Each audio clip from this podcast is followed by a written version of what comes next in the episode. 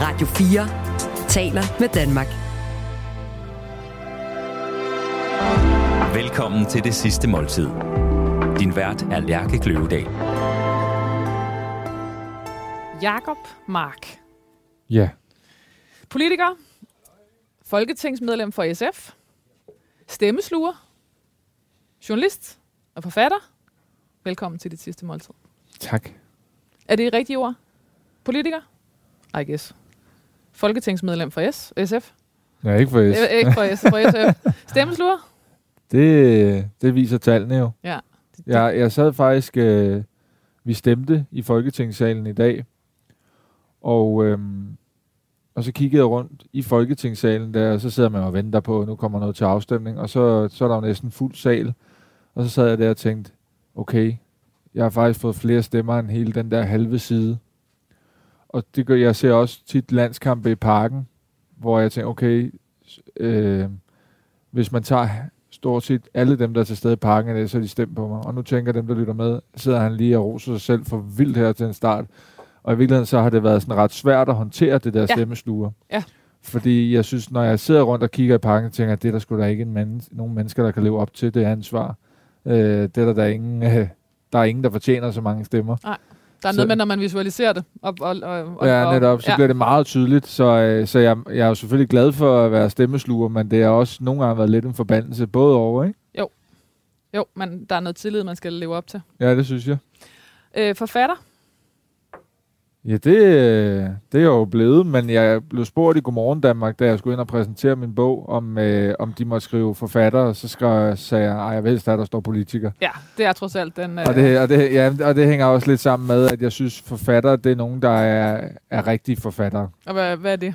Ja, men det, det er jo noget vås, det jeg siger nu, men det er jo nogen, der er sådan rigtig dygtige til at skrive, og som må, øh, ja, måske, ja, sådan nogle, det ved jeg ikke, det var ligesom i starten, der havde jeg også, jeg havde heller ikke nemt ved at kalde mig selv politiker, fordi det synes jeg var det, Støjberg og Lars Løkke og Mette Frederiksen og dem der. Så jeg tror for mig som menneske, der går, der er i hvert fald altid lige en overgangsperiode fra, at jeg kaster mig ud til noget nyt, til at jeg vil kalde mig selv det. Okay, Jonas. Du, har, du fylder bordet op. Stille og roligt begynder det at blive fyldt i hvert fald. Jamen, Skal vi øh, call den? Jamen lad os gøre det. Vi skal, øh, vi skal lidt tilbage. Vi skal have stor julefrokost. Ah, men for Jeg kunne godt tænke sig en, øh, en stor julefrokost, så det skal han have. 100%. og øh, det kan godt være, at du skrev, at øh, måske vi- hvis det var for meget, så kunne du godt vælge tre rigtige retter, men, men sådan er det ikke her. Ah, men jeg, Der er det, der er det, man gerne vil have. Man skal have det, man, Og man det skal er have det, man En har kæmpe opfordring til alle de næste Der er- gæster, om bare fyre den helt af. Der er af. ikke en sjæl på Christiansborg, der i dag ikke har fået at vide, som jeg har mødt, at i dag skulle jeg have det store julefrokostbord. Jeg har bare glædet mig som en lille dreng. ja, ja. Hvad hedder det? øh, Så, så jeg har i hvert fald prøvet så meget som muligt at, øh, at fylde alle ønsker. Øhm, så det kommer lidt i nogle heats, som, som man kender det. Mhm. Til at starte med. Kajsild, længst over. Øh, så er der laks. Så har jeg gjort lidt ved det. Der er lidt øh, peberrod og lidt øh, dild og sådan lidt forskelligt. Øh, og øh, fiskefilet, remoulade selvfølgelig. Lidt brød og en, øh, en classic fra Braunstein. Øl. Ja. Hvor er I gode. Og så stod der snaps, og øh, så, så tog jeg min egen favorit. Øh, der var ikke noget specificeret, så jeg tog et valg. Øh, og det er O.P. Andersen. Hvor er det godt. Ja. Det er jo faktisk fordi, jeg kan ikke fordrage snaps. Nej. Men, øh, men det hører jo ligesom til en julefrokost. Og til alle julefrokoster, der er der altid ligesom dem ved bordet, der elsker snaps, som skal psykisk køre psykisk terror på dem, der ikke kan lide snaps. Ja. Så jeg kunne, det er fuldstændig ligegyldigt for mig, hvilken en du har valgt. For, for mig smager det hæsligt, men ja, det skal drikkes. Jamen, så skulle jeg lagt den Sådan. på kø. så, skulle, så skulle den, kan, kan du få en lille mini Nej, men man, må, Ja, ja, man må jo ja. igennem det. Jo, jo, sådan er det. Og det er ikke så længe siden, vi havde øh, Jørgen Let, og der snakkede vi det her, om det her med, skal den være kold, eller skal den bare være stuetemperatur? Altså, det skal den altså. Stuetemperatur. Det Ej. skal smage det der. Vi kommer Det ikke der med fryseren, det her er bare for at gemme det hele. Ja, den, er, den, er, den Ej, smager jo, jo, jo. Jeg rigtig plejer meget. at dyb, dybfryse den, inden jeg Ja, skal ja, det tænker jeg nok, men øh, det slipper du ikke for. Så Fedt. det er det, vi starter med. Okay, det, så det er, den her, det er første heat. Ja. Modtaget. Ja, en let, en let omgang. Og Braunsteinøl er jo altså en øl fra Køge. Ja. Et lokalt uh, bryggeri, som startede med at ville lave whisky, men det kunne de ikke få lov til, jævnfør den danske lovgivning. Uh, så de var nødt til at starte op som bryggeri, og så blev det en kæmpe succes. Og så kunne de få lov til at lave whisky, og har nu blevet dømt uh, uh, ros for at lave verdens bedste whisky og gin. Okay, mm, selvom de så startede et helt andet sted. Ja, ja. Okay. Og de store sælger også deres øl her. Så. Det, det kan du få mange steder efterhånden. Braunstein? Ja. Ja. ja, okay, sejt. Skål. Skål. Velkommen. Tak, Jonas. Hvorfor, øh, hvorfor skal vi have julefrokost? Jamen, da jeg ligesom fik invitationen til at vælge, hvilken mad jeg øh, helst vil have, så jeg er faktisk typen, der altid har spurgt folk sådan rimelig hurtigt, når jeg lærer dem at kende, hvad er din livret? Og, så, øh, og der findes jo ligesom to typer mennesker i det svar. Der findes dem, der bare lynhurtigt kan sige lasagne, eller også så er der dem, der bare siger, jamen det kan jeg da ikke vælge. Hvor jeg sådan til altid, det bliver jeg sådan lidt frustreret over, fordi det er jo ikke et bindende svar. Altså, du kan jo godt Det er det her. ja, du kan jo godt sige dagen efter noget andet af min livret. Og der tror jeg bare, for at min livret har altid, altså jeg har hele tiden skiftet, hvad jeg har lyst til, men så hvis jeg skulle have et måltid, så fik jeg lyst til at tage det her julefrokost, fordi der rummer så mange retter i én ret, og så også fordi det er forbundet for mig med så mange gode minder. Og hvad handler det om? Er det noget med at sådan kunne trække stikket og læne sig tilbage? Og... Nej, tværtimod. Når vi til julefrokost der øh, i drengegrupperne der, så bliver der sgu ikke trukket stikket. Øh, der er jo fuld smæk på, og man sidder og griner og råber og joker og har det sjovt. Men jeg synes jo, de øh, tidspunkter i livet, hvor man har det allerbedst, det er jo der, hvor man virkelig er til stede. Mm. Og når man sidder til en julefrokost, så, så er det svært at være på arbejde imens, fordi det gør øllen og snapsen ligesom umuligt. Og man sidder der længe, fordi du skal igennem mange retter, Mm. og du ved, det kommer der hvert år, øh, og man har glædet sig. Så man er bare der med dem, man elsker, og det elsker jeg. Men der er nemlig det der med at, at trække stikket, nemlig i hvert fald i forhold til arbejde. Ikke? Mm. Øhm, Det er rigtigt. Og der tror jeg, indtil for meget ganske nylig, der øh, var alkohol faktisk det eneste, der kunne få mig til at trække stikket fra arbejde. Ja. Fordi jeg vidste, at når jeg havde givet, eller når jeg havde drukket tre øl, så kunne jeg stadig gå live på news eller radioavisen, og det gjorde jeg. Men drak jeg fem øl, så begyndte man måske at kunne høre det, og drikker det over, så ville det være dumt. Ja. Og det betød jo bare, at når jeg så var i sådan nogle sammenkomster, hvor vi skulle hygge os og have nogle øl, så på et tidspunkt var jeg nødt til at lægge den der forbandede telefon væk. eller bare skynde dig at drikke fem øl. Eller skal jeg bare drikke, for det sørger drengene jo for, at- at få mig hurtigt igennem, så de slap for at se på den der telefon. Der er noget, øh, øh, du har... Øh, du har skrevet en bog, som vi også kommer til at, at, at snakke om i det her program, fordi den, det, er, det er di- din fortælling. Det er en historie om at være politiker på højeste niveau og, og øh, gå voldsomt ned med stress. Og øh, den er blevet sindssygt godt modtaget, og det tror jeg også, den er, fordi at du øh, nemlig også fortæller om alle de her ting. Altså du ved, der er sådan en... Øh, øh, jeg, jeg ved ikke, hvorfor det er sådan, men, men, men, men, men det, der, der, er jo, der er jo, mange af dine kollegaer rører for eksempel ikke alkohol, Mm. fordi de er bange for, samt, at samtalen bliver sporet, altså sporet derover eller Mm. det ved jeg ikke, nogen skulle tro noget, eller hvad ved jeg. Og du, du, kommer, du kommer med en ny energi, hvor en del af din bog handler om at drikke sig stiv med dine køgevenner. Mm. Øhm, hva- hvad, hvad har du haft af, af tanker omkring den måde at gå og være politiker på? Og, Altså, jeg tror jo, for det første tænkte jeg, da Gyldendal spurgte, om jeg ville skrive den bog, at hvis man som 31-årig skal kaste ud i at skrive noget, der har snærten af en selvbiografi Mm. over sig, så skal man godt nok være meget ærlig, Mm. mm. for ellers har den ingen berettigelse. Det er sådan noget, man skal gøre, når man er meget ældre, trods alt, ikke? Og så tænkte jeg bare, nu lægger jeg det helt ærligt frem, sådan som jeg har haft det. Øh, og så kan man sige, Nå, var det så for din blå øjnes skyld? Nej, det var faktisk også, fordi det var med til at gøre mig rask at Mm. skrive den bog. Øh, de kapitler, hvor jeg sad og græd, imens jeg skrev dem, øh, der gik det op for mig, der var noget, der ikke var, som det skulle være, eller havde været, som det skulle være. Og så havde jeg i mit hoved bildt mig ind, at der var nogle ting, jeg ikke var så god til at håndtere. Og det, det, altså, det påvirker mig ikke. Så den hjalp mig også, den bog. Og det kunne jo ikke hjælpe mig, hvis den ikke var ærlig. Så det er andre mennesker end mig selv, der har pillet ting ud af den bog. okay, Fordi det blev for meget om dem. okay. Kom for tæt på på en eller anden måde. Ja, familie, venner og så videre. Ikke? Og det har jeg fuld respekt for. Men øh, Men der er noget med, at tekst øh, kalibrerer en. ja. Ikke? Der er noget med, man, som du siger, at det der med, når man, når man reagerer på det, man selv skriver. Mm. At hvis man kigger på, hvad det er, man reagerer på, så er der ret meget læring i det. Ikke? Ja, det er der.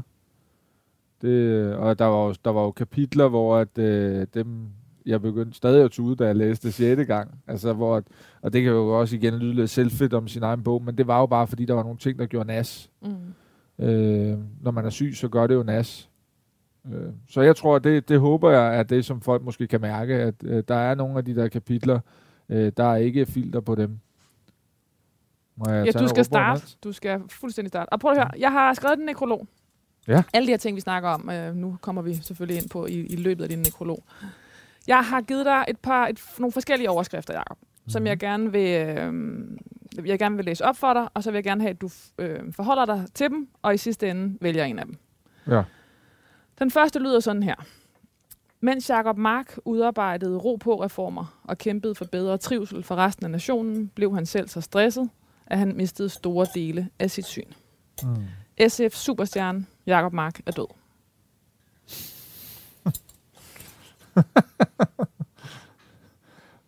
Jeg sad lige og hyggede mig ved det første, og så kommer den der meget voldsomme afslutning ligesom på. Du gør alting tidligt øh, Ja. her i livet, også at dø. Ja, så dø. Ja. Nej, men jeg synes, øh, det var jo noget af det, der jeg havde meget svært ved at erkende, da jeg meldte mig syg med stress. Der skrev jeg jo på Facebook, at det var på grund af en øjensygdom, og ikke på grund af stress. Jeg Ja. havde sådan en rigtig politikerformulering om, at øh, jeg meldte mig syg på grund af en øjensygdom, der skyldtes langvarig belastning af krop og sind. Og det er jo politikersprog for stress, ikke? Mm. Og det tror jeg var fordi, at jeg synes, det var en kende hyklerisk, at jeg nu i mange år havde snakket om angst og depression, og vi skulle have mere ro på alle sammen, og der var der ingen skam i at være sårbar. Men jeg kunne ikke selv finde ud af at være det. Så det gør mig ikke noget, hvis øh, det er en del af min nekrolog at udstille det der hykleri. Der er så mange paradoxer i din øh, øh, karriere. Der er noget med, at, at, at det du er allermest bange for os som barn, det er at blive blind. Mm. Og det er lige præcis den, der går ind og trigger på dig. Mm. Øh, og der er noget med det der med, at det har været det, du her har kæmpet for i hele din politiske karriere. Ro på. Og så er det Mm. det, der, der, der, der ender med at næsten æde dig op. Det er rigtigt. Nu har du haft øh, mange skuespillere og musikere i det her program. Ja. Og det, der er lang vej fra politik til det, de laver, men der er alligevel de ting til fælles, at jeg har fået at vide, at mange skuespillere og musikere kan faktisk godt finde på at være sceneskræk. Ja. Og så er de lige blevet, blevet drevet ind i deres fag, fordi der er et eller andet i os, der er så eventyrlysten, eller har lyst til at udfordre det der, vi ikke er så glade for. Og sådan har jeg det i hvert fald haft det selv. Øh, at det, var, det lå ikke lige i kortene, at jeg skulle, skulle, øh, skulle stå på en scene, fordi jeg gik om. Øh, gik om, fordi jeg ikke turde tale med nogen. Og så er musikere, de skriver jo også sange efter, hvad de oplever, hvad de føler. Og det tror jeg jo også, at da jeg begyndte at skrive politiske udspil om, at vi alle sammen skulle have mere ro på, så var det nok også, fordi der var en del af mig, der havde brug for mere ro på. Og så var det lettere at fortælle om, hvad samfundet havde brug for, end hvad jeg selv havde brug for. For mig var det ikke muligt at tage mere ro på, fordi jeg kunne ikke svække partiet, følger jeg dengang. Jeg kom jo ind i SF's folketingsgruppe som 23-årig, da SF var helt til rotterne. Og øhm, vi var lige kommet ind i regeringen, havde været voldsomt populære, så var det hele gået galt stort set, og vi tumlede ud igen, og så blev vi slået fuldstændig tilbage til start. Og så var der mange, vi var kun syv tilbage, og der var mange, der sagde, Jacob, du er en af dem, der skal løfte det her. Og jeg følte jo, at hvis jeg trak mig der, eller ikke var der nok, så ville SF dø. Og der havde jeg bare sådan, okay, der er alligevel øh, 60 år med mennesker, der har kæmpet for det her projekt. Skal jeg så være ham, der lægger det i graven? Det havde jeg meget svært ved at håndtere psykisk, at, at jeg skulle være den, der så ikke førte Det skulle være på videre. din vagt. Ja. Okay, Jacob, den næste overskrift, den lyder sådan her. SF-komet Jacob Mark gik ned med stress og skrev en anmelderrost bog om det. Da han kom tilbage i vælten på Christiansborg, var det mere reflekteret, mere selvbevidst og med et klart blik for sine grænser. Er forkert. Det må jeg bare sige. altså, jeg vil ønske, den var rigtig. Jeg synes, det er en smuk uh, sætning, men den passer sgu ikke. Hvad passer ikke? Hvad, hvad stemmer ikke overens? Jeg synes ikke, at jeg har lært nok af det, jeg var igennem, til at den øh, overskrift passer på mig. Siden jeg kom tilbage fra sygdom, der øh, gik jeg direkte ind i et folketingsvalg, og jeg skruede godt nok ned, men kørte stadig hårdt på. Jeg gik ind og var medforhandler på regeringsforhandlingerne. Jeg skrev en bog, mens jeg var syg, altså lige øh, mens jeg kom tilbage. Jeg udgav bogen og kørte, i stedet for bare øh, at lade Gyldendal køre pressedækning, så valgte jeg at tage alle interviews selv. Jeg har, alle de der børneserier, jeg kæmpede for i tidligere perioder, har jeg været i pressen på. Jeg har købt en gård. Christina er blevet gravid. Det er jo som en, der har været narkoman eller noget. Og det er jo hårdt at sige, ikke? Men, så jeg vil mere sige, jeg tror, med tiden kan jeg få et klart blik for mine grænser, og jeg er meget bevidst om, at jeg ikke har det. Men jeg har det ikke endnu. Det er jo i hvert fald også en erkendelse. Til gengæld har jeg, vil jeg heller ikke kvæle det der drive. Mm. Og den der, man skal jo ikke være bange. Det er også det, øh, der er en af pointerne i bogen, det er, at jeg tror, der er mange, der ikke så tale om det, fordi de er bange for, kan man så ikke leve et stresset liv i en periode? Jo, det kan man godt. Man skal bare komme ned igen og holde de der pauser. Jakob Mark sagde alle de ting, en politiker ikke plejer at sige, og blev en af Christiansborgs mest øh, vældige politikere. Hmm. Det ved jeg ikke. Det synes jeg er svært selv. Sådan der er mange, der siger det der med, at jeg siger ting, politikere ikke plejer at sige. Men det er ikke noget, jeg tænker over. Og det ved jeg heller ikke, om jeg synes. Jeg synes måske, at der er en ny generation af politikere på vej. På tværs af partier, hvor alt ikke skal være stift og papegøjesnak. Øh, men jeg har da også nogle gange råd mod det der papegøjesnak, og så bliver det da også udstillet hjemme hos mor og far, der, der bare siger, så er du blevet levebrødspolitiker. Er det det, der handler om, at der hele tiden er sådan en øh, samtale, en, en sund samtale med, øh, med Køge? Det tror jeg betyder meget. Mm. Altså, jeg får det at vide med det samme, hvis øh, folk synes, jeg bliver sådan for politikeragtig. Også drengene der, ikke? Mm. Hvad for en vil du vælge, Jacob? Den første, tror jeg. Den hed, mens Jacob Mark udarbejdede ro på reformer og kæmpede for bedre trivsel for resten af nationen, blev han selv så stresset, at han mistede store dele af sit syn. SF's superstjerne, Jacob Mark, er død. og fordi jeg elsker afslutningen. Den er så... jeg kan godt lide, når det er lidt kontant der. Jeg synes, den passer. Og jeg kan godt lide det der med, at øh, der, den også indeholder det, det, der var svært. Ja. Livet er at det der... Der var sgu noget, jeg kæmpede for, og det mener jeg også virkelig. De der med, at der går for hurtigt i vores samfund. Men så, så skal høre det da også med til historien, at jeg så heller ikke selv fattede at skrue ned. Der er en good old sådan en live what you preach. Mm-hmm. Jakob, din nekrolog starter sådan her. Jakob Marks historie er historien om et politisk talent, som på rekordtid tog turen mod de politiske tinder. Men det er også historien om en drengerøv fra Køge, der kørte sig selv så hårdt for at bevise sit værd, at han endte fartblind i totalt sammenbrud. Historien om et menneske, der var ved at miste alt, ikke mindst sig selv. Nu fra Berlinske 23. Mm-hmm. Okay, Jacob, nu kommer vi ikke udenom det. Åh ja, Til snapsetid. Ja, det burde det være dig, der sagde det til mig. Det er jo dig, der har bestilt den. vi tager ikke den hele. Vi, vi bider den midt over. Og den er helt varm, så må jeg vildt Øh. meget snaps. Skål. Skål. det er din egen bestilling. Ej, nej, nej, nej. Jeg har aldrig før haft en gæst, der er ved at kløjse over sin egen bestilling. Jeg hader det lort. Så skal jeg sidde og skynde dig at spise brød for at få den grimme smag væk. Ej, ja, det er også så dejligt at smage. Jamen altså, altså jeg, jeg, jeg prøver at leve op til dine egne forskrifter her. Det er, Ja, ja, men det er en del af pakken. det er en del Det af pakken. Men øh, således øh, varm i svækket. Mm-hmm. Jakob Mark blev født i 1991 i Køge og voksede op i Algestrup, en Ja. lille by syd for Køge. Moren arbejdede i en pølsevogn og tog nattevagter på sygehuset, mens hun læste til lærer, og faren var fængselsbetjent. Ja. Det var altså rigtig dejligt at have en mor, der arbejdede i en pølsevogn, når man er lille, skal jeg så sige. Der- Særligt fordi hun så arbejdede i en pølsevogn, der lå 500 meter fra Herfølge Stadion. Og på det tidspunkt, der var Herfølge et rigtig godt hold. Det var i den tid, hvor de blev Danmarksmester. Øh, og de kom altid over til min mor og bestilte øh, mad, efter de havde været til træning, eller i hvert fald en gang med dem. Så en gang til min 10-års fødselsdag, som var den bedste fødselsdag i mit liv, der havde hun øh, jo serveret så mange pølser for dem, at de inviterede mig ned i omklædningsrummet. Ja, så det var en Okay. stor oplevelse. Altså, så der, du blev simpelthen, øh, du kom bedre fra start i livet på grund af de uendelig mange pølser, din mor serverede for Gud Ja. at være mand. Og så sad jeg altid, øh, når jeg ikke lige, når jeg ikke kunne blive passet, så sad jeg, så var der sådan en spillemaskine. Ja. Så, og det var sådan der mit, øh, min, min hang til konkurrence og præstation og spil startede. Jeg sad bare der og kørte citongerne i den der spillemaskine og trykkede på knappen der og kværnede is imens. Det lyder som... Det var ren lykke.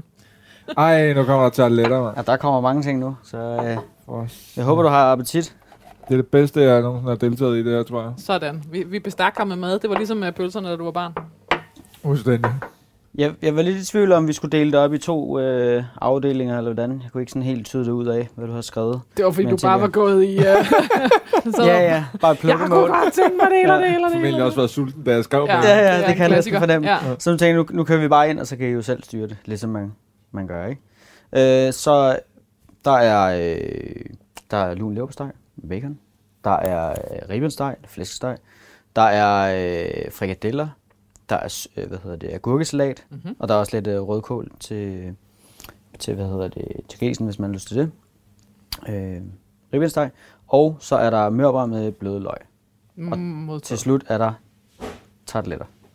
Det ser simpelthen Høns i asparges. ud. Det er jo helt vildt. Det, Det, lille, det, lille top-up på øl, og øh, ikke endnu, det kommer måske lidt senere, en lille top-up på snaps.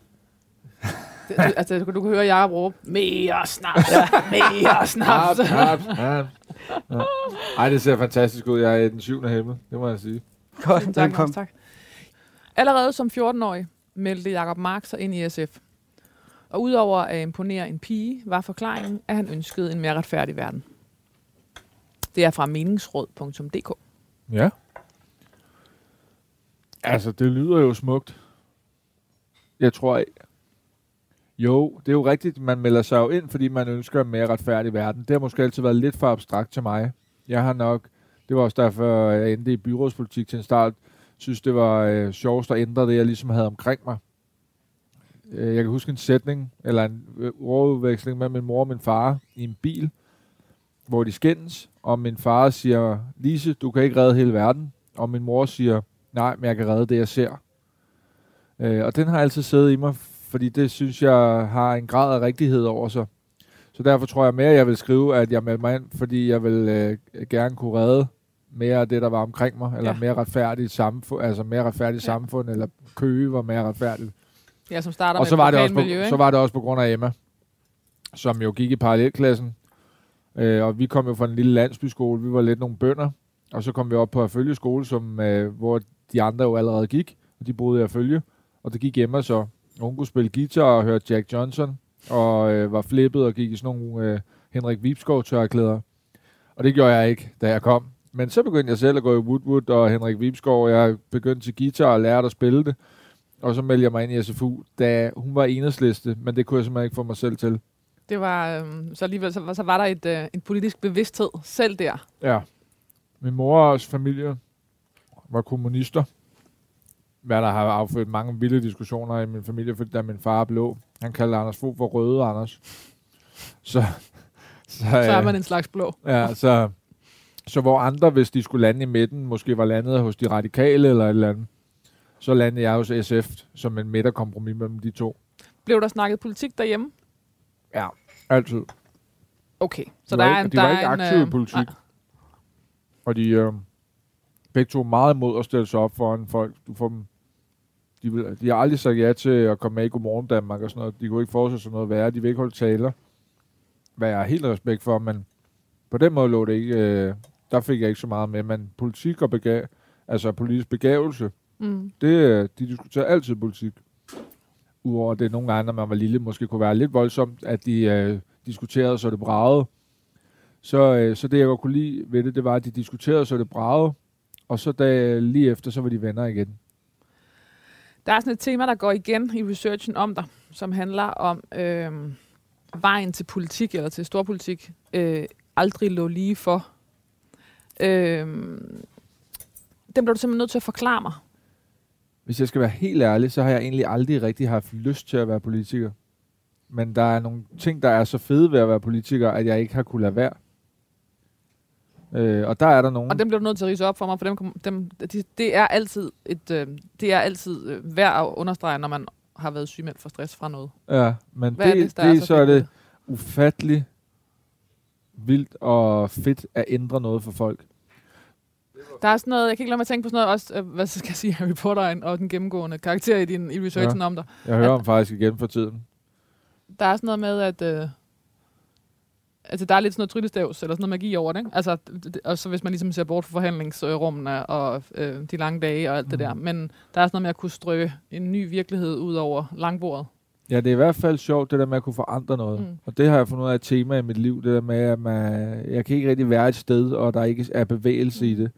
det. Men det er også det, der har drevet mig ud nogle steder, der var usunde.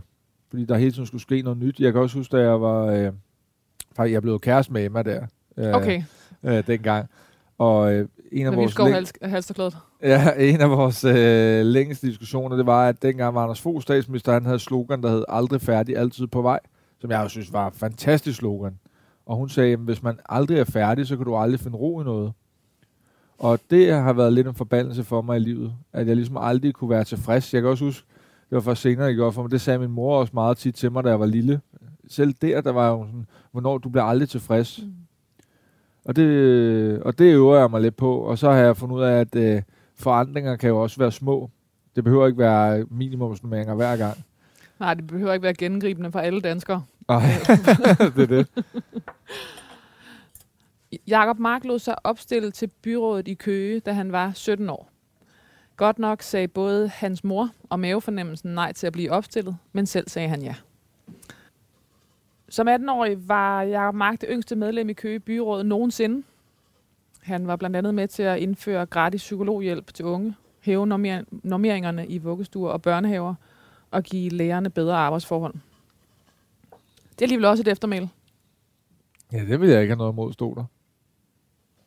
Derefter gik det stærkt, og i 2015 blev han valgt til Folketinget med sit partis næsthøjeste stemmetal. Året efter blev han som 24-årig gruppeformand, igen som den yngste nogensinde. Mm. Hvad har det betydet, det der med at... Altså, det er jo sådan en underlig rekorder at slå med yngste første. På den ene side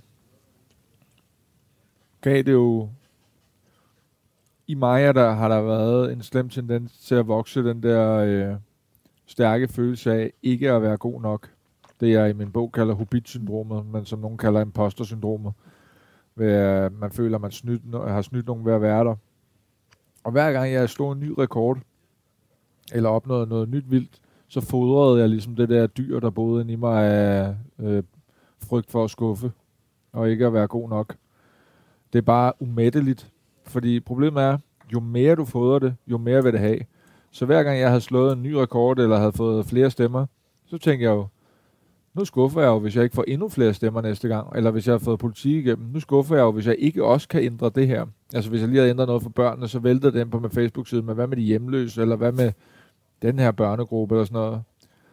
Så det var, uf, øh, det var bare, man kunne, det kunne aldrig blive godt nok. Og der har jeg så oplevet efterfølgende, at det er der faktisk flere mennesker, man lige tror, der har den der følelse af usikkerhed i sig. Som teenager var Jacob Mark altid vild med Anders Fogh Rasmussens motto. Aldrig færdig, altid på vej. Men som voksen må han erkende, at det var hårdt konstant at være i udviklingsproces. Nej, det er rigtigt. Men det er meget... Øh, noget, der gik op for mig, det var faktisk Alex Vandopslag, der fortalte mig det. Det er, at bekymringer er et stresstrin. Altså det ligger faktisk på, hvis man har en stresstrappe, hvor man har forskellige trin, og den bruger jeg i bogen, så på trin 3, der begynder bekymringerne at komme. Følelsen af ikke at stå til, følelsen af, at dine forældre, øh, ikke, du ser dem ikke nok, du er ikke øh, god nok over for dine venner, du er en dårlig kæreste, du leverer ikke godt nok på arbejde, det kører bare i dit hoved. Og så er det mest naturlige for dig jo at skrue op, fordi du har dårlig samvittighed, så du er nødt til at kompensere, aftale, aftale med dem, det, se dem noget mere. Hvor det, jeg ikke fattede dengang, det var, at jeg var nødt til at skrue ned for at blive ikke stresset igen, så de der følelser kunne forsvinde. Men der var det der motto, aldrig færdig, altid på vej, bare indbegrebet med altid at skrue op. Du kan nå mere, du skal opleve flere, øh, flere ting. Det er det, jeg giver ingen råd i den bog. Men jeg har faktisk begyndt at tænke, hvis jeg må give et råd, så er det det der med, hvis man bliver så stresset, at man, helt, øh, at man lige pludselig føler, at man ikke slår til, så er det mest naturlige i verden at skrue op, men man skal skrue ned. Bare lige en dag eller to, så forsvinder det. Du giver faktisk ingen råd i den bog. Nej. Hvorfor? Det var fordi, at jeg gad ikke... Øh, jeg var færdig... Jeg vil gerne være færdig med at være hyggelig. Altså forstå på den måde, at nu har jeg jo prædiket ro på og bedre samfund, om øh, man skulle bare tale åben om angst, men jeg har ikke tur at gøre det selv. Og så tænkte jeg, da jeg skrev bogen, var jeg jo måske på vej ud af min sygemelding sådan mentalt, jeg er slet ikke i stand til at give gode råd, fordi jeg ved jo fandme ikke, at det gik jo helt galt for mig, hvor mange af ved med synet og stress. Og så tror jeg også bare, for mig virker det ikke, at der står en eller anden øh, frelst type og siger, sådan her hænger livet sammen. Og det håber jeg heller ikke, der er nogen, når de hører mig, der tænker, at jeg ved. Så jeg vil heller bare sætte ord på stress. Altså fortælle, hvordan ser det ud. Fordi jeg oplevede, at der var mange, der ikke helt forstod, hvordan det ser ud.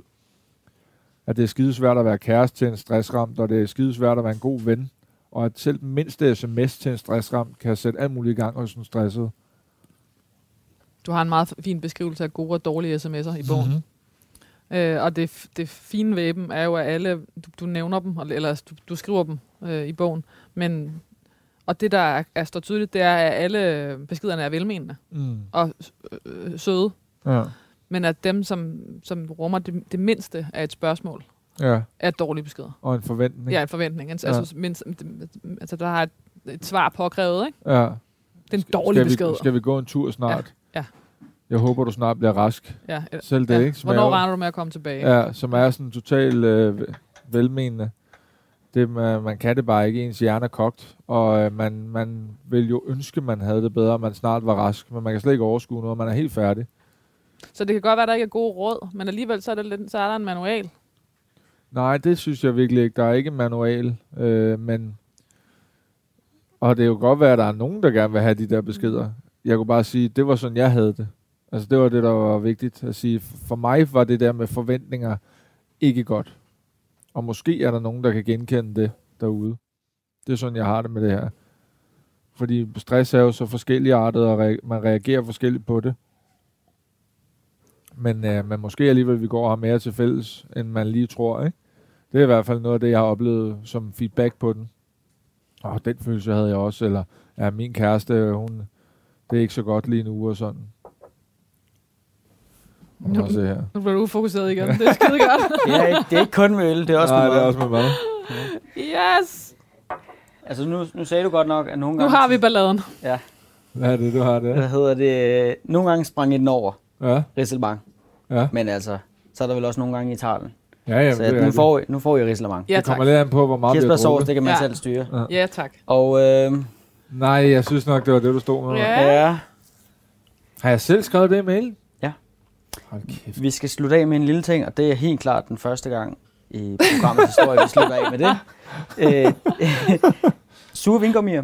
Ja. Øhm, du, du, Lad os lyder lidt som en, en øh, connoisseur på det punkt der. Ja. Så jeg tænker, at jeg ikke øh, jeg tør ikke kaste mig ud i en røverhistorie. Jeg kunne simpelthen ikke skaffe de rigtige. Nå, det er ikke de rigtige. Øh. Nej, men de er heller ikke nemme at få fat i. Det er noget af det, jeg har øh, været lidt efter det der firma for. Det er Ja, derfor, du går netop. ind i politik.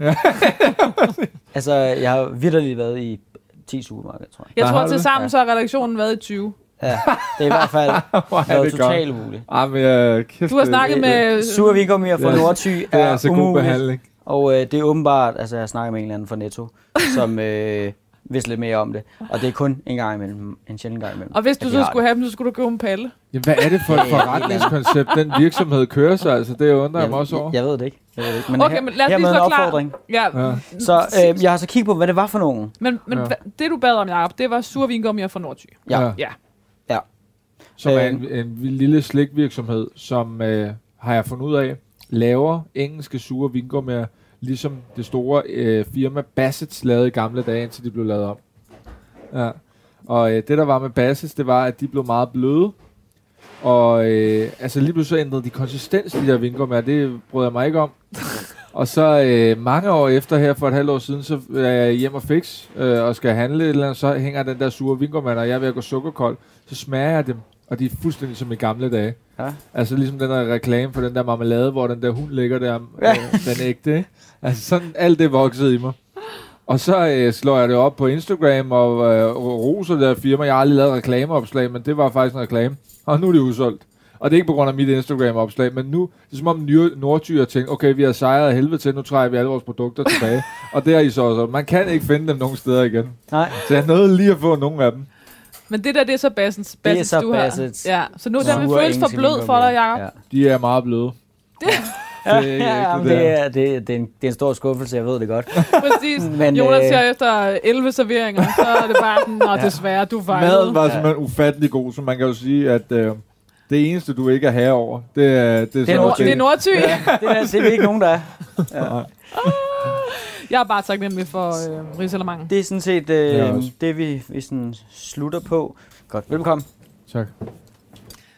Overvejer du nogle gange at, øh, altså forstår mig ret, droppe alt det, der, der, der, øh, der handlede om at holde dig nede på jorden?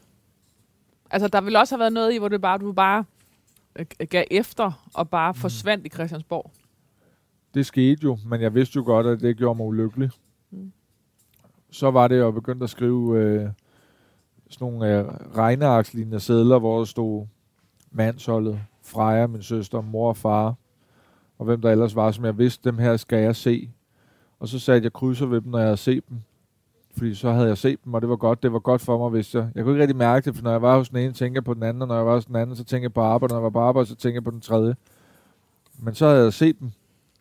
Og så tror jeg, at dengang der voksede den der følelse i mig, også at det er ikke... Jeg skal ikke være her længe. På, Da- på Christiansborg. Ja. Så jeg tænkte, nu får den en tørn, jeg skal være med til at rejse SF, og så skal jeg nok lave noget andet. Øh, så jeg tænkte, det her det er en midlertidig foranstaltning. Men det gjorde jo, at jeg aldrig var til stede hos nogle af dem, jeg elsker sådan rigtig mentalt. Og det var jeg meget ked af i dag. Jeg føler, at jeg er gået glip af nogle år. Da Jacob Mark var ny i Folketinget, havde han travlt med at bevise sit værd og knoklede for at gøre sig fortjent til sin plads. Han ringede medier og nyheder op otte gange om dagen for at vise, at han også ville ændre noget i den politiske verden, og at han kunne noget. Jakob Mark fik en masse ordførerskaber. Kom i fjernsynet første gang. Den første avisforside med ham som hovedperson. Tingene begyndte at gå godt. I 2018 vandt han Folkemødets dialogpris. 2019 modtog han børnenes gule føretrøje fra forældrebevægelsen. Øh, hvor er der en voksen? Den pris blev begrundet med hans politiske mærkesag, børn og unge, øh, og hans arbejde med at bringe minimumsnormeringer til debat og behandling i Folketinget. En mærkesag, Jacob Mark formåede at brænde igennem med, og som blev synonym med hans navn. Mm. Hvordan var de år? Det var nogle vilde år, fordi at... Øh, hvor at jeg de første år øh, hele tiden følte, at jeg skulle kæmpe for at blive bemærket. Jeg ringede hele tiden medierne op, det stod der jo også. Altså for, at jeg sagde, hej, det er Jacob Mark, jeg vil gerne på øh, den her historie. Og de sagde, hvad fanden er du? Men det var fordi, jeg var så bange for det. Det var egentlig ikke for min egen skyld, det var sgu mest fordi SF jo var ved at dø.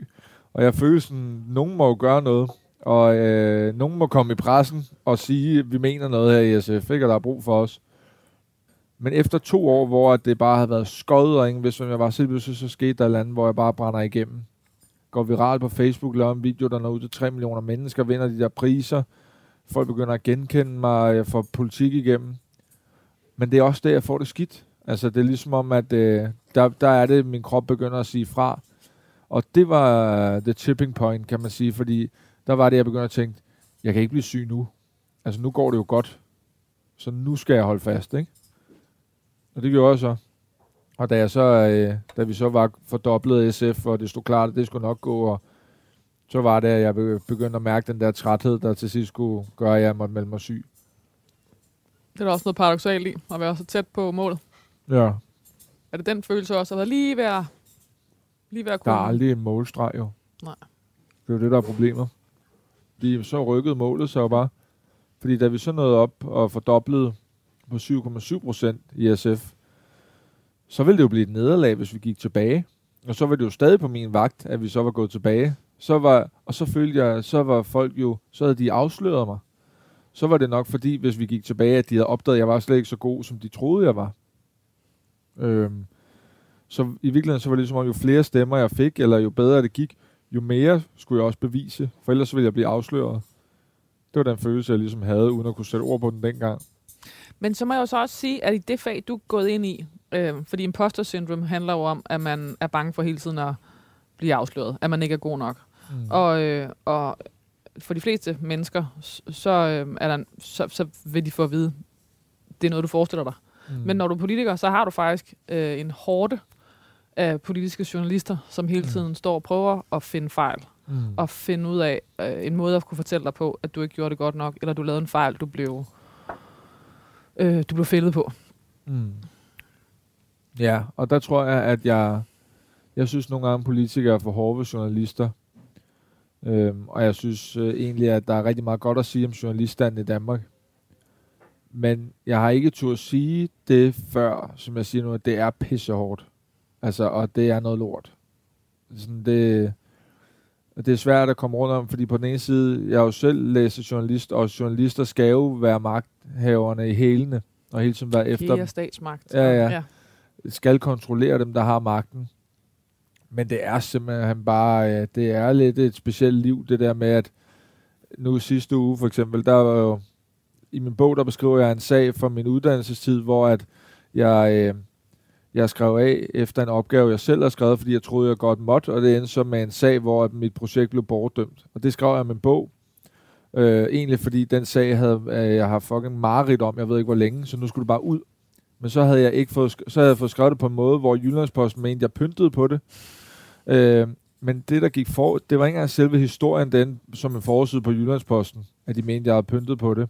Altså, at du i bogen havde pyntet på det? Ja, men det, der gik forud for det, var egentlig det hårde, at i tre uger, der havde de søgt agtindsigt i alt, hvad jeg nogensinde havde lavet med studietid. Jeg fik e-boks beskeder hver tredje dag, hvor der står, nu er der givet den her bevilling i uh, det her rapport, og nu er der den her korrespondence mellem din tidligere studieleder, uh, og nu har de søgt om yderligere agtindsigt, og jeg vil, det er ikke for at klynke, fordi man skal også kunne kontrollere magthaver, og jeg er jo folketingspolitiker, men der sker et eller andet inde i en, altså som ikke er rigtig godt, når man får de der beskeder. Altså, og du får et usundt forhold til, du tænker altid over, hvordan du opfører dig, øh, og på de sociale medier. I virkeligheden, så tager jeg nok ikke de øh, tungeste ting ind, der bliver skrevet, fordi jeg heller ikke tager de bedste ting ind, der bliver skrevet. Det bliver bare ligesom sådan, registrere, okay, der er meget glæde her, fordi der er nødt til at være en anden form ja. for skjold. Og øh, jeg kan ikke lige se, hvad løsningen er på det, fordi jeg virkelig mener, at journalister skal kontrollere politikerne og dem, der har magten. Men det gør der et eller andet ved en, hvor jeg tænker, uh, det er ikke sundt i længden. Der er også noget med at arbejde i mistro hele tiden. Ja, det er der. Vi kommer fra den her periode, hvor i 19 og 18, hvor øh, du får priser, og du bliver anerkendt, og du, du, du er en mærkesag, Jacob Mark formåede at brænde igennem med at blive som synonym med hans navn. Men det var også her, midt i succesen, han lagde kimen til det, der senere skulle skubbe ham ud over en øh, menneskelig afgrund. Den måde, Jacob Mark arbejdede på, var direkte selvudslættende. Umulig at holde til. Jamen, jeg, jeg synes, det er nogle voldsomme ord, men det er også fordi, at det er lige... Øh, ja, det var jo mit liv, eller hvad man siger. altså, det er sådan... Det var dig, der om, om sad i Holbæk og det var mig, der sad øh, i Holbæk og så 13 sæsoner af Antikduellen, fordi jeg ikke kunne se noget som helst andet. Både fordi jeg ikke kunne se ud af øjnene, fordi jeg også syg, at min blodkar var sprunget bag øjnene, men også fordi jeg ikke kunne overskue at se noget andet. Øh, fordi jeg var øh, så stresset, at jeg ikke kunne overse noget, der var konflikter i. Så jeg skulle ikke se reality, hvor de hele tiden skændes. Jeg skulle ikke se nogen film, hvor folk blev ked af det. Og i Antikduellen, der blev de aldrig ked af det. Der er de altid glade. I marts 2018 oplevede Jacob Mark for første gang at få et, an, et angstanfald så voldsomt, at det føltes som om sjælen blev revet i stykker. Han turde ikke sove, fordi han var bange for, at det ville være den evige søvn. Grædende ringede han til en psykiatrisk skadestue, der forsikrede ham om, at det var angst, selvom han havde svært ved at tro det. Han sendte en sms til sin formand, Pia Olsen Dyr, for at melde sig syg. Sand- sandheden fik hun dog ikke. Meldingen lød, at, det havde, at han havde lungebetændelse. Senere på ugen fik han øh, en invitation, han ikke kunne få sig selv til at sige nej til. Det var fra DR2's debatten med Clemen Kærsgaard, og emnet skulle være den folkeskole, som var en politisk mærkesag for Jacob Mark. Han befandt sig i en tåge af angst, og undervejs i programmet manifesterede det sig som et anfald. Jakob Mark var sikker på, at han skulle dø midt i debatten med Clement. Han fik ordet flere gange sidenhen og fik fremstammet nogle budskaber, Efterfølgende sagde flere til ham, at det var gået godt. Så Jacob Mark tænkte, jamen så kører det jo. Og alt sammen er for Berlinske 23. Altså, føles det som om, du skulle dø? Ja, da jeg stod der, så ja. tænkte jeg, kan jeg vide, om mit hjerte kan gå i stå det her. Altså, jeg kunne ikke tænke på, hvad de sagde. Det var bare ren overlevelse, at jeg sådan skulle svare dem i debatten, sige, hvad jeg mente. Fordi det, der fyldte, det var mit hjerte, der bare hamrede afsted. Og i en grad, hvor jeg tænkte, det her, det kan et hjerte ikke holde til. Og så fyldte det næste, hvad så hvis jeg ikke skal se mine venner og familie igen? Har jeg så været der nok for dem, og har jeg overhovedet brugt mit liv på det rigtige? Alt det der kan man godt nå at tænke i et splitsekund, hvor man står der og bliver bange. Men det er jo en nærdødsoplevelse. Ja, både og. Altså, det er det jo i den forstand, at, øh, at man er bange for det, men jeg tror, at min, at et eller andet sted i mit hoved, så var der jo nok også en erkendelse af, at jeg skal ikke dø. Altså, ellers så forhåbentlig, så var jeg der trådt ned af scenen. Men det der dødsangst er sådan lidt svært at få hånd om, fordi det, for mig er dødsangst den der ufattelige frygt for at dø, fordi alt det, man går glip af og mister, og den bliver udløst af panikangsten. Mm. Og nu har jeg det meget sjældent, nogle af delene. Jeg har ikke længere dødsangst i hvert fald, men, øh, men det havde jeg altså dengang, fordi at jeg følte, at jeg spildte mit liv på en eller anden måde, ved at aldrig have været der for dem, jeg elskede. Og selvfølgelig så det der helt paradoxale, der står, at øh, efterfølgende sagde flere til Jacob Marke, det var gået godt. Han tænkte, så kørte det. Så kan det ikke være skidt. Men det var jo da jeg begyndte at slå igennem. Mm. Og øhm, så var der ligesom ingen vej tilbage. Altså det var, nu havde jeg kæmpet for at skulle blive anerkendt og kendt, og jeg havde kæmpet for at lave politiske forandringer, og så var det fandme ikke nu, hvor at det så begyndte at ske, at det skulle gå skidt. Og så fandt jeg ud af, at man godt kunne tøjle det der stress og angst på en måde. Jeg vidste ikke, det var stress dengang. Fandt jeg ud af, at øh, hvis jeg bare sagde til mig selv, det her det er noget, der sker i dit hoved. Jeg fandt nogle metoder til at isolere det. Hvordan? Hvad var... Ja, altså, når jeg var derhjemme alene, så satte jeg mig ned på gulvet med hovedet mellem benene, så forsvandt det.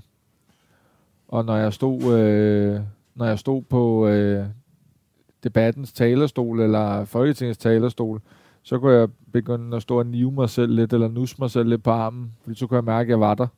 Det kan være lidt svært at forklare, men der sker nogle... Sådan noget med at rykke ind i kroppen, eller? Ja, ja. netop sådan det der med at mærke, at man er til stede. Ja. Hvor at når man får de der mærkelige angstanfald, kan det også føles som sådan lidt en ud af kroppen oplevelse, hvor man sådan tænker, hvad fanden er det egentlig, jeg står og med til her? Jeg tror jo nok, at der et eller andet sted i mig var noget, der vidste, det her det er ikke rigtig godt. Og så vender jeg tilbage til det, at jeg så nok tænkte, det her det er en begrænset periode. Nu skal den have gas. Øh, nu skal den bare have gas. Og så kan jeg altid gå min vej efterfølgende. Ja. Så det var planen. Det var også derfor, der minimumsmængder så blev vedtaget det der regeringsgrundlag, og jeg har fået det der valg, og SF var rejst. Så gik jeg ind som det første på min telefon og skrev en note, der hed Exit Politik. Mm. Og så skulle jeg bare lige øh, klare den de to år, øh, det tog at lave loven om minimumsmængder. Og så når den blev vedtaget, så kunne jeg gå med vej. Problemet var bare, at jeg blev mere og mere syg, og så en uge før loven om minimumsmængder skulle vedtages, så måtte jeg gå med vej. Så jeg var så tæt på målet, og der kunne man tale om en målstreg. Mm. Men måske er det lige præcis derfor, at det blev en målstreg, fordi det var den, du ikke nåede. Fordi hvis du havde nået den, så havde der været Ja, ja så var der kommet en ny. Det er rigtigt. Og det var der også, fordi jeg vidste allerede, det, at minimumsmængder var en ting, så skulle der lande sin finanslov bagefter, hvor jeg gerne ville have sænket klasseloftet. Så det er rigtigt. Det er godt set. De næste år huskede Jacob Mark som ren overlevelse, men også som præget af en overvældende succes, både for ham selv, hans mærkesager og for partiet som sådan. Valgkampen 2019 endte med, en jordskreds, med et jordskredsresultat. 23.213 mennesker stemte personligt på den unge SF'er, hvilket gjorde ham til den politiker med syvende flest stemmer i Danmark. Han kæmpede med at håndtere det, fordi idéer han så ofte havde haft overvældende mange af, begyndte at tørre ud. Succesen kunne ikke længere kompensere for stressen. Han havde vendet sig til at være totalt færdig, når han gik på sommerferie, men han havde også vendet sig til, at han sagtens kunne se sig selv vende tilbage igen, når han havde slappet af. Jamen, der tror jeg, at øh, jeg vidste det, at det er en øh, stakket frist. Altså, jeg vidste, at jeg skulle forlade politik, for det kunne jeg mærke. Øh, eller det sagde mit hoved mig, for det er jo det, stress gør. Så fortæller dig, at du skal gå, du skal gå, du skal gå din vej. Øh, du er bare træt af politik, du skal lave noget andet, for det er der egentlig virkelig mere lyst til. Du har ikke lyst til at se dine venner, fordi du er blevet ældre. Du har ikke lyst til at være social, fordi du har haft en travl periode. Alle de der undskyldninger, det er stressundskyldninger, ikke? Så mit hoved sagde jo, at jeg skulle gå min vej, men jeg var alligevel så stolt, at jeg tænkte, øh, det skal være the sweet goodbye. Så jeg skulle virkelig give den gas til sidst. Så nu var det bare med at komme tilbage på arbejde, sørge for, at de minimumsmængder blev til en lov, også lige sørge for, at man fik ret til et år ekstra i børnehaven, også lige sørge for at få sænket klasseloftet, og så kunne jeg fandme gå, og så kunne jeg sige, jeg synes da, jeg gjorde en forskel. Mic drop. Yes. Og så var du ude. Ja. ja. Der findes den film, der hedder øh, Truman Show. Jim Carrey. Ja, og den havde jeg det lidt som nogle gange. Mm. Og jeg havde lidt en drøm om, øh, ligesom han forlader det der univers til sidst, så sejler han bare ud og ud og ud, indtil han møder øh, det, der så er en rekvisit, og forlader det. Og så siger han, øh, in case I don't see you, good afternoon, good evening and good night. Og så går han sin vej. Sådan havde jeg det lidt dengang. Men, men, sådan gjorde, men sådan gik det ikke, fordi nu kommer den næste sætning. Til sidst mistede Jacob Mark synet. Ja, det er rigtigt. Du var lige på vej ud i robåden. på vej ud over Gud. Så kunne jeg sgu ikke Good se morning, noget good evening. Ah, tilbage igen. Han kunne ikke se sin kærestes øjne på afstand, og han havde svært ved at bruge komfuret, fordi han ikke kunne se stregerne. Det var stress, lød lægens diagnose. Noget, som Jacob Mark ikke havde lyst til at indrømme over for sig selv eller andre. Han følte sig som en hykler, fordi han havde talt så meget om det, og ikke selv kunne indrømme, at det havde overgået ham. Alligevel var diagnosen en lettelse for Jacob Mark, der også der indså den som en oplagt undskyldning for sin sygemelding. Han havde en øjensygdom. Mm. Det var fra TV2 2023. Jacob Mark ville gerne have fortsat nogle uger, så han kunne stå på talerstolen og tale for den nye lov om minimumsnummeringer, som øh, betød noget for ham, men den måtte han opgive. Da han meldte sig syg, stod det i alle landets aviser. Og så nu er det et citat for din egen bog. Jeg er en fucking push-besked på alle telefoner, der følger TV2 Nyheder. Ikke på grund af min politik eller mine holdninger, men fordi jeg er færdig. Skrev Ja. han i sin bog Fartblind. Mm. I januar 2022 udkom Jakob Marks debutbog Fartblind på Gyldendal. En dyb personlig beretning om stress, kærlighed og livet i toppolitik. Jakob Mark begyndte egentlig bare at skrive, fordi det hjalp ham. Pludselig turde han sige det højt, erkende det. Han var syg, stresset. Han troede på, at det var vigtigt at sige højt. Fartblind blev af blandt andet Christi Dagblad, øh, Politikken og Altinget modtaget med femstjernede anmeldelser. Læserne var lige så begejstrede, og bogen solgte over 20.000 eksemplarer. Men flere anmeldere funderede også over, om Jakob Mark nu i virkeligheden var blevet lige så god til at sige nej, som han selv påstod i bogen. I politikens, øh, øh, politikens anmelder skrev, som læser håber man inderligt, at han har ret, men tvivlen nager. Trods en tilbagekomst, han selv kaldte, Jacob Mark selv kaldte hæslig, kastede han sig ud i valgkampen, da statsminister Mette Frederiksen udskrev valg 5. oktober 2022. Han gjorde det på sin egen måde, hvor han forsøgte at køre i et lavere tempo. De sarte sjæles klub, kaldte han sit hold. Altså, det er jo million dollar spørgsmålet. Det er jo virkelig, Mm. hvorfor skulle du tilbage? Ja. Dels så elsker jeg at lave politik. Og af de grunde, jeg også har forklaret, der handler om, at man kan forandre noget for mennesker. Mm. Men så havde jeg det også sådan, det havde jo, det var sgu ikke the sweet goodbye, at gå, øh, gå sin vej med en øh, stresssygdom. Jeg er egentlig rigtig stolt af det, jeg har lavet i politik, og, øh, og synes, jeg har opnået meget med de her minimumsmager. Jeg synes, jeg har sat mistrivsel og børn og unge rigtig meget på dagsordenen. Så var jeg sådan, skal det slutte for mig på den måde? Det kunne jeg næsten ikke være i, og det kunne dem omkring mig slet ikke være i. De synes, det, var, det ville være synd. Så det var en kombination af, at da jeg lå og læste jobannoncer der øh, frem mod min restmelding, og der ikke lige var noget, jeg synes var mere spændende end politik. Hver gang tænker jeg, at politik er jo mega spændende, for man kan gøre noget for mennesker. Og så dels, at jeg ikke kunne, mit ego kunne ikke holde til, at min politiske tid skulle slutte med, med en sygemelding.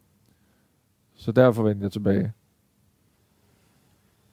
Undervejs i sin sygemelding var Jacob Mark bange for, om der nogensinde var nogen, der ville betro ham et ansvar igen.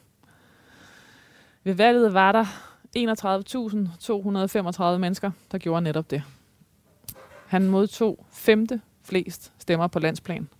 Kun overgået af fire partiledere, nemlig Mette Frederiksen, Lars Løkke Rasmussen, Inger Støjberg og Alex Van Opslark. Ja, det var vildt. Hvordan var det for flere stemmer end sin partileder? Altid træls.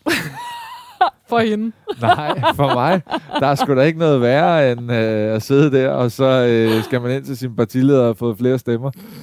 Fordi at så, øh, det svarer lidt til, øh, når man sidder med Christina der, og man har, og man har dystret om et eller andet, og så man vinder jo, og så bliver man glad, men man er også lidt skræmt over, hvad vil reaktionen fra den anden være? Bliver man lagt lidt på is nu, ikke? men ellers, så, jeg tror mig og Pia, vi havde sgu mest fokus på, hvordan det gik i SF. Det var et politikersvar. Ja, men også lidt rigtigt. Du skal tænke på, øh, jeg skriver det i bogen, det er jeg lidt tvivl om, at øh, mig og Pia er jo som nat og dag menneskeligt på mange måder, og har også været uenige om rigtig meget. Øh, men jeg har det lidt ligesom med Harry Potter, Ron og Hermione i, i Harry Potter 1, hvor de jo i udgangspunktet er uvenner, Ron og Harry med Hermione, indtil de bes- øh, besejrer den der trold. Og så skriver øh, forfatteren til Harry Potter Rowling, øh, at uanset hvad, så når man har besejret en huletrold sammen, så er man venner for livet. Og sådan tror jeg også, at Pia har haft det lidt. Det skulle lige meget med de her personlige stemmetal og sådan noget, og hvad man er igennem, fordi når man er med til sammen at genrejse et parti, der er døende, så er man venner for livet. Jakob Mark drømte om at skabe øh, en bedre plads til et sundt arbejdsliv på Christiansborg.